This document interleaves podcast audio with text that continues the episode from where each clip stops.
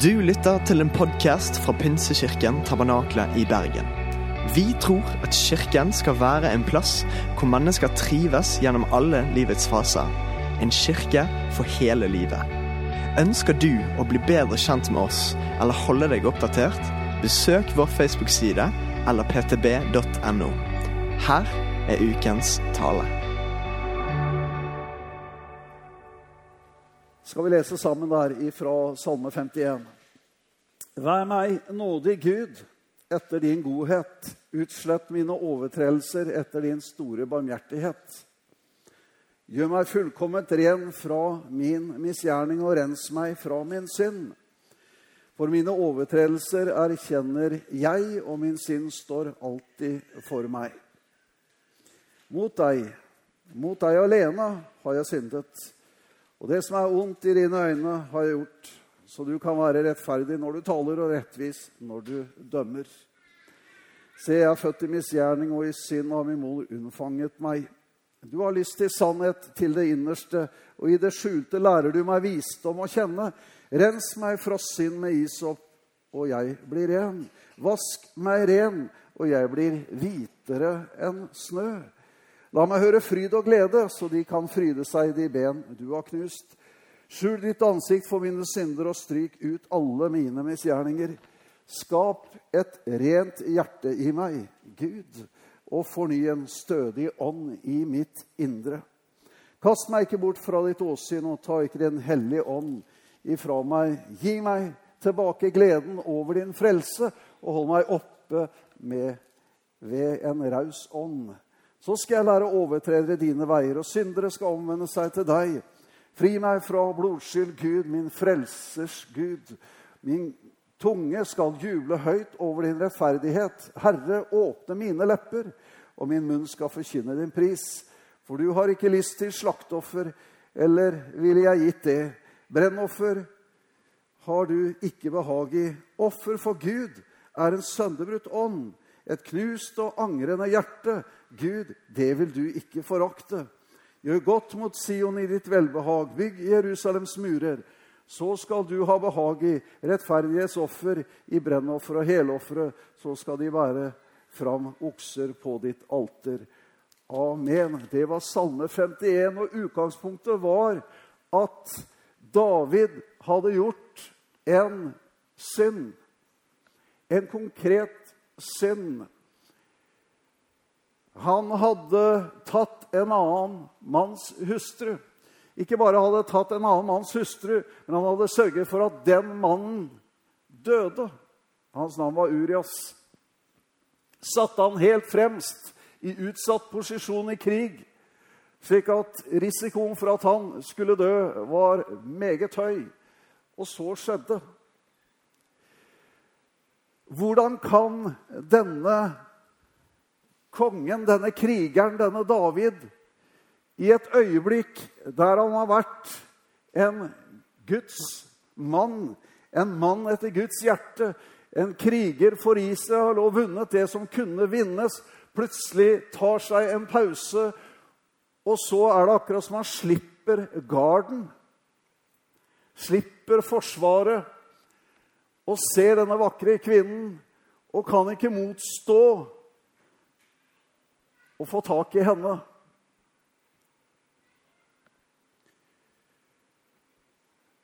Så kommer denne profeten, og mitt anleggende i dette er at du kan ikke berge livet ditt på dine gjerninger. Gud setter pris på gjerningene våre.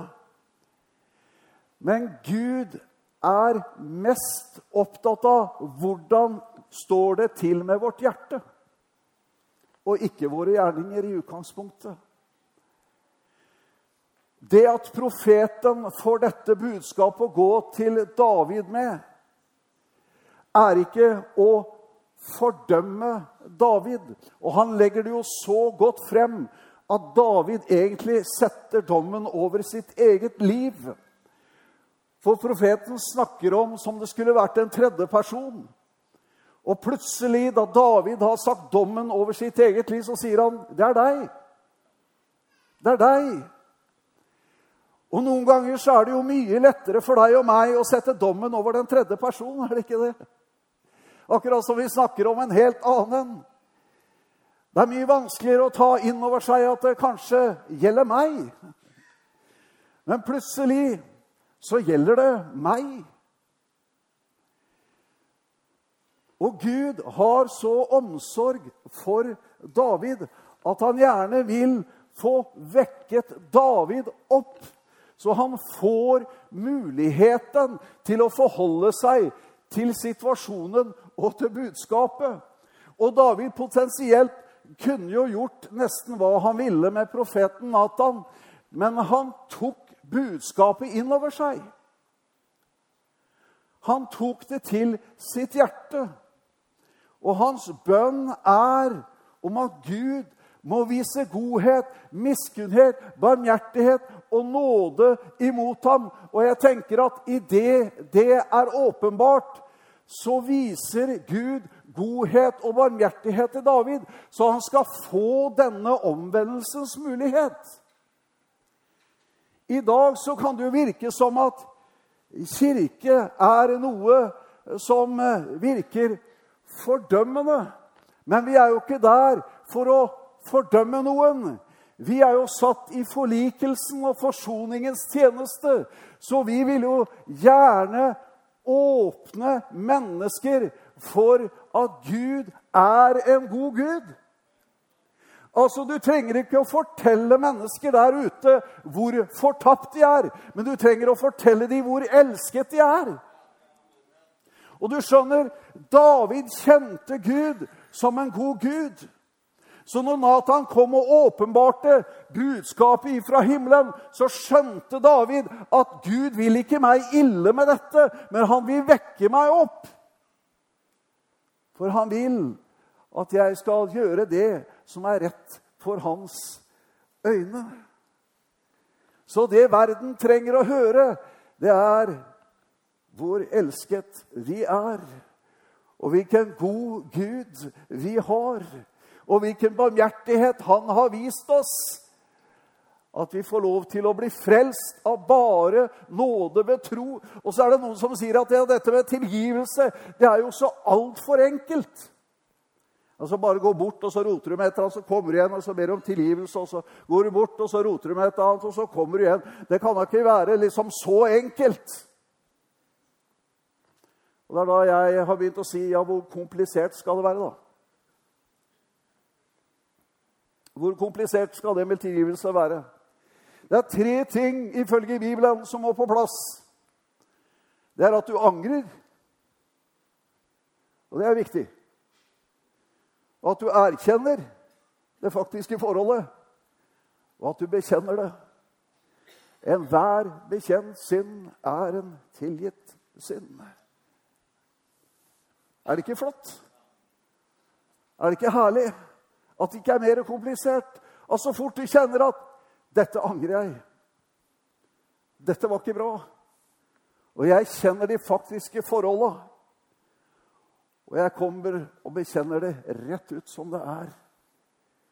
Gud, vær meg nådig.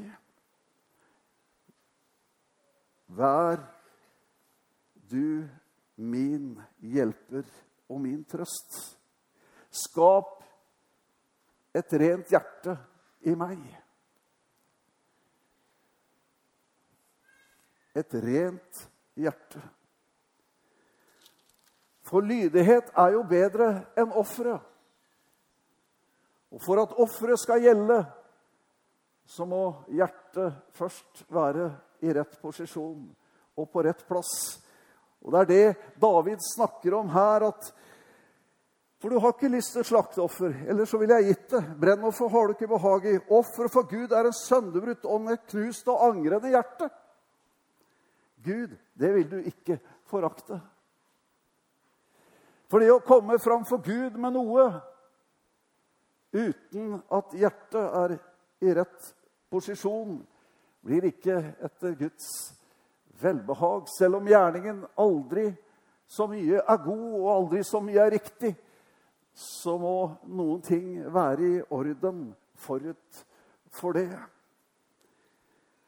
Tenk at det går an å bli så blind i forhold til sin egen oppførsel at man tillater seg en del ting som naturlig skulle Alarmklokker og alle lys, røde lys skulle ringe og lyse. Men allikevel gjøre det og kjenne seg i en rettmessighet til å gjøre det. Men tenk at Gud kommer midt oppi det og gjør det veldig klart hvilken situasjon som eh, David befinner seg i. Hva vil jeg si med dette? Jeg vil si at hvem som helst kan snuble og falle. Selv konger. Selv en Herrens kriger. Selv en som på alle måter har gjort mye for Herren og mye bra. Men så er det godt, da, at det ikke er over allikevel. I Evangeliesenteret har vi en overskrift som heter 'Ennå er det håp'. Vet du hvorfor? Fordi det er det. Vet du hva vår styrke er? Vår styrke er om at det går galt, så får du komme igjen og prøve på nytt. Ja, det gikk galt den andre gangen også. Ja, men vi prøver også den tredje gangen. Ja, men det gikk også galt. Ja, enn har du håp. Vi prøver også den fjerde gangen. Vi som har fått håpet, er de som skal bringe håpet til folket. Håpet om at det er alltid en mulighet hos Gud. Det er alltid en tilgivelse. Det er alltid en mulighet å få et rent hjerte. Det er alltid en mulighet til å ta et oppgjør. For hver den som kjenner seg sønderknust og angrende i sitt liv, det er alltid noe som Gud ikke forakter, men som Gud har velbehag og glede i når vi kommer og søker ham med våre liv. Ennå er det håp. Ennå er det muligheter. Noen tenker nei, det er ikke håp for vedkommende. Det har vært sånn og det har vært sånn og det har vært sånn. Og noen i våre rekker og, og i evangeliesenteret så, så, skal vi vel medgi noen og hver at vi har tenkt liksom eh, Skal det noen gang gå i mål her på en eller annen måte? Og så gjør det det allikevel. Til tross for alt som sier imot, så kommer det til et eller annet vendepunkt hvor at ting faller på plass, og at ting eh, blir stående. Og at man kan eh, virkelig bli løst og fri. Og ha fremtid og ha håp. Og kjenne det at livet det kan få en solid grunn. Og man kan begynne å bygge. I formiddag så tenkte jeg Det er tre ord som Jesus ofte bruker. Han bruker ordet 'kom'. Du som strever av tungt å bære, jeg skal gi deg hvile. I Gamle testamentet 'kom', skal, vi gå i rette med hverandre. Så vi skal få gjort opp. Men 'kom', hva betyr det? Jo, det betyr at han kaller på deg. Du er kalt. Så bruker han ofte et annet ord, og det er 'gå'. Nei, følg, mener jeg. Vi må ta det riktig rekkefølge, så blir det galt. Følg. Hva betyr det? Følg meg. Jo, det betyr at du er utvalgt Ta følge Jesus. Du er kalt, og du er utvalgt til å følge Jesus. Han sier, 'Gå derfor ut. Gå og lær.' Følg meg. Så blir vi hans disipler. De som blir lært opp av ham. Og så er det det jeg var inne på å gå. Da er du sendt. Du er utsendt. Du skal gå og lære det du har lært. Som en disippel i etterfølgelse av Jesus og så kan du Gå derfor ut, fordi han har all makt i himmel og på jord. Og så kan du gjøre disipler i de vi døper dem i Faderens, Sønn og Den hellige ånds navn. Og så kan vi lære dem å holde alt det han har befalt oss. Og se, han er med oss alle dager inntil verdens ende. Halleluja.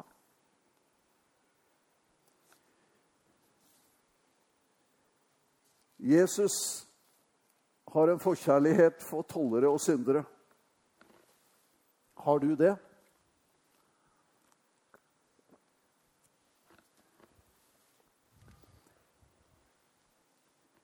Har du en forkjærlighet for tollere og syndere? Ja, kanskje ikke tollere, men i hvert fall syndere. Jeg vet ikke hvordan tollerne er i dag, men de var, fikk sett på med blide øyne den gang. Og det er noe med Jesus som har en tiltrekningskraft på den gruppe mennesker. Og i Matteus 9 og vers 9 så står det da Jesus gikk videre derfra, så han en mann som satt i tollboden. Han het Matteus, og han sa til ham, 'Følg meg.' Så sto han opp og fulgte ham. Det skjedde mens Jesus satt til bords i huset, og se, da kom mange toller og syndere og satte seg sammen med ham og disiplene hans. Da fariseerne så det, sa de til disiplene hans, 'Hvorfor spiser deres mester sammen med toller og syndere?' Jesus hørte det og sa til dem, 'De friske trenger ikke lege, bare de syke.' Gå og lær hva dette betyr. Barmhjertighet er det jeg har behag i, og ikke offer.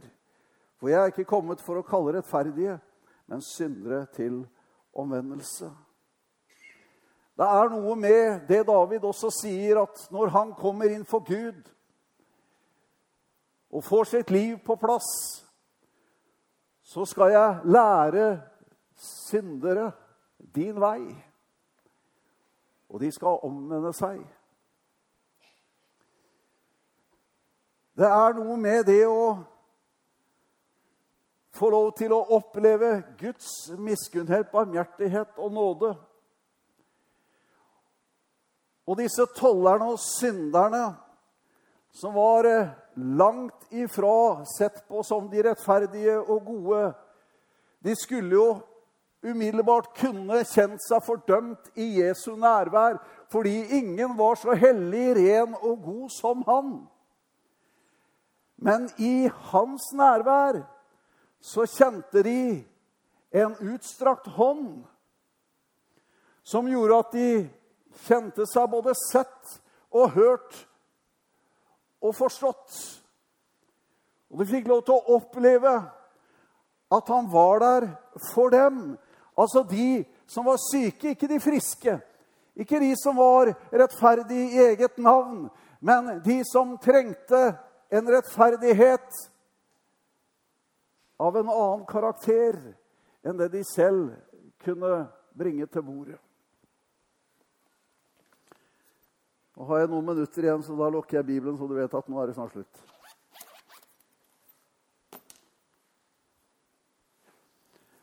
Er det mange som er gode i matematikk her? Ja, det er godt at du innrømmer det. Jeg kommer ikke til å teste det, for det har jeg ikke kapasitet til. For å si det rett ut. Altså, jeg, jeg, jeg, er jo daglig leder for et budsjett på nærmere 100 millioner kroner, og jeg har to i matematikk. Dette går bra. Dette går veldig bra. Gud er nådig. Ja. Eh, så når jeg gikk på videregående skole, så var ikke det min sterke side, kan du si. Det skjønner du. Og Da jeg gikk på den videregående skolen, så satt jeg på den vindusrekka. Og alle som sitter på vindusrekka, det er jo folk som liksom trenger litt, litt sånn Komme seg ut av situasjonen, på en måte. Liksom ut av vinduet, Ser ut av vinduet og ja, drømmer litt. og Dette var interessant, men uh, Så der satt jeg. Uh, kom meg selvfølgelig gjennom skole. Jeg har jo, jeg har jo utdannelse. Ja, ja, jeg har jo, jeg har jo sånn, sånn artium, er det det det heter? Ja. Ja da, han går på politiskole og greier, så jeg, har jo utdannelse. Jeg har ikke en uniform som passer lenger, men det spiller ingen rolle. Uh, så da hadde jeg en matematikklærer i første klasse som var så flink at han var nesten et matematikkgeni. Men jeg tror ikke han var verdens største pedagog. men Jeg vet ikke om det er hans feil at ikke jeg skjønte noe. Men Du vet at hvis du på en måte mister ting tidlig i livet, så øker ikke den kompetansen etter hvert. Den, den utfordringen blir bare større og større. Så der satt jeg da med min eh, begrensede kunnskap. Og eh, læreren han hadde gjort klart et eh, stykke på tavla. Og eh, alle var jo spent. Hvem er det som skal opp og teste det regnestykket nå? Og så gikk fingeren hans over dette her elevkartet på pulten hans. Og så ser jeg han bevege seg over der mot vindusrekka. Jeg bare kjenner pulsen stiger. Og litt nedover der. Og så var det Eriksen, ja. Vær så god. Ja. Det var ikke noe annet å gjøre det enn å gå fram og stelle seg opp på tavla. Og så Altså, jeg kan handelsregning. Altså sånn gange, dele, minus, pluss. Helt greit. Når du får sånne trapper, og det er ikke bare tall, det er bokstaver i det òg samtidig da, da, da, da, sleit jeg fælt. altså noen Teoretisk matematikk. Da sleit jeg fælt. Så det var et sånn type stykke. Og jeg eh, kom meg liksom i første hånd av gårde. Og så var jeg på vei nedover. Jeg var jo glad det gikk eh, liksom, i det hele tatt å komme seg nedover. Uh, og så kom jeg helt i bunnen og tenkte at det her så ikke så verst ut. Og så satte jeg to streker og tenkte jeg, jeg kom iallfall så langt. Ja, Og så var det å trekke seg litt til side og la krittet hvile. Uh, og så kom dommen. Og dommen var hår. For da kom han fram og tok fatt på krittet. Og så hadde jeg veldig tidlig da, flytta på en liten sånn desimal. Det er ikke så, ikke så mye som skal til, skjønner du, så blir det følgefeil. Det kan bli dramatisk. Så den følgefeilen i det regnestykket den ble katastrofal. Så at ettersom han bevega seg nedover der, så var jeg veldig langt fra fasiten til slutt. Og så sto jeg der da liksom avslørt i all min eh, ja, svakhet i dette. Og det eneste jeg tenkte på da, det er mulig å få satt seg. Og det var jo selvfølgelig på et eller annet tidspunkt. Så jeg eh, fikk gå ned og sette meg. Og så skjedde miraklet. Han tok tak i denne fuktige svampen, og så strøk han hele regnestykket ut. Ut av sinnet, ut av synet, ut av sinnet, ut av minnet.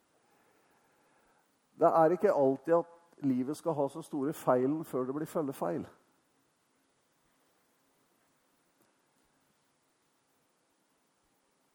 Og livets regnestykke ikke går opp, og du kommer egentlig lenger og lenger fra fasit. Men det fins noe som tar seg av sånne regnestykker. Og det er en som har gitt sitt liv for deg og meg. Som tar bort all vår elendighet. Alle våre feil, alle våre mangler, alle våre skrøpeligheter. Alt det vi ikke får til. Det som driver oss så langt ifra fasit. Jesu Kristi blod renser oss ifra all synd. Vi kommer ikke alltid i mål. Men det er en som har sørga for at vi alltid kommer i mål. Fordi han har gjort det for oss. Jeg skal avslutte med noe som både den rike unge mannen kom til Jesus og spurte om, og som den fariseeren som ville prøve Jesus, og hvor fortellingen om den barmhjertige samaritan kommer i etterkant. Men de har samme spørsmålet. Hva skal jeg gjøre for å arve evig liv? Og da må jeg spørre forsamlingen hva har du gjort for å arve? Sannsynligvis ingenting. Grunnen til at du arver, er at du står i en relasjon. Og ofte at du er i slekt. En arv er ikke noe du har arbeida med dine hender. En arv er noe som andre har arbeidet med. Og så du blir gitt rett i fanget. Vær så god, det er ditt. Fordi du er i relasjon fordi du er i slekt.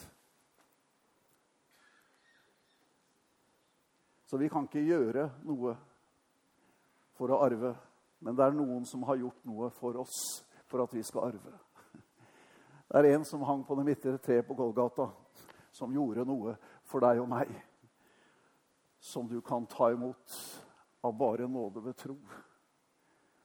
Og bli frelst og få del i arven i himmelen. Takk, Jesus, for at du er her i formiddag. Fordi at du elsker oss så du ga deg selv for oss. Så har Gud elsket verden, at han gav sin sønn den enbårne, for at hver den som tror på ham, ikke skal fortapes, men ha evig liv. Herre, jeg takker deg at vi kan be som David gjorde, Herre. Vær nådig, barmhjertig, god. Vi satser på din godhet, din barmhjertighet, det du har gjort for oss, Herre. Og takk at vi får det. Når vi angrer, erkjenner og bekjenner, når vi kommer inn for deg, Herre, og du vekker oss opp, og vi kjenner at det er ting som vi kanskje har vært blind for egentlig. Det er ting vi ikke har sett, Herre. Takk at vi får lov til å få det bort, Herre. Så det vi ofrer, det vi gjør, Herre, det kan være ut ifra dette rene hjertet. Jeg takker deg, Herre, at du har en utdrakt hånd til alle mennesker. Ja, syndere av alle slag, Herre. Og du er ikke kommet for å dømme verden, men for at verden skal bli frelst, Herre for at mennesket skal se Guds godhet i deg og få del i din kjærlighet, Herre Jesus Kristus, som utøses i våre hjerter ved Den hellige ånd. Takk at vi er født på ny, og vi er ekte født, Herre. Og vi kjenner at vi er barn, Herre. Din ånd sammen med vår ånd bekrefter og bevitner at vi er i Guds barn. Vi har fått et helt nytt liv. Herre, vi priser deg for ditt nærvær i denne stund. Takker deg for din tilgjengelighet. Takker deg for din mulighet for oss alle. I Jesu navn. Amen.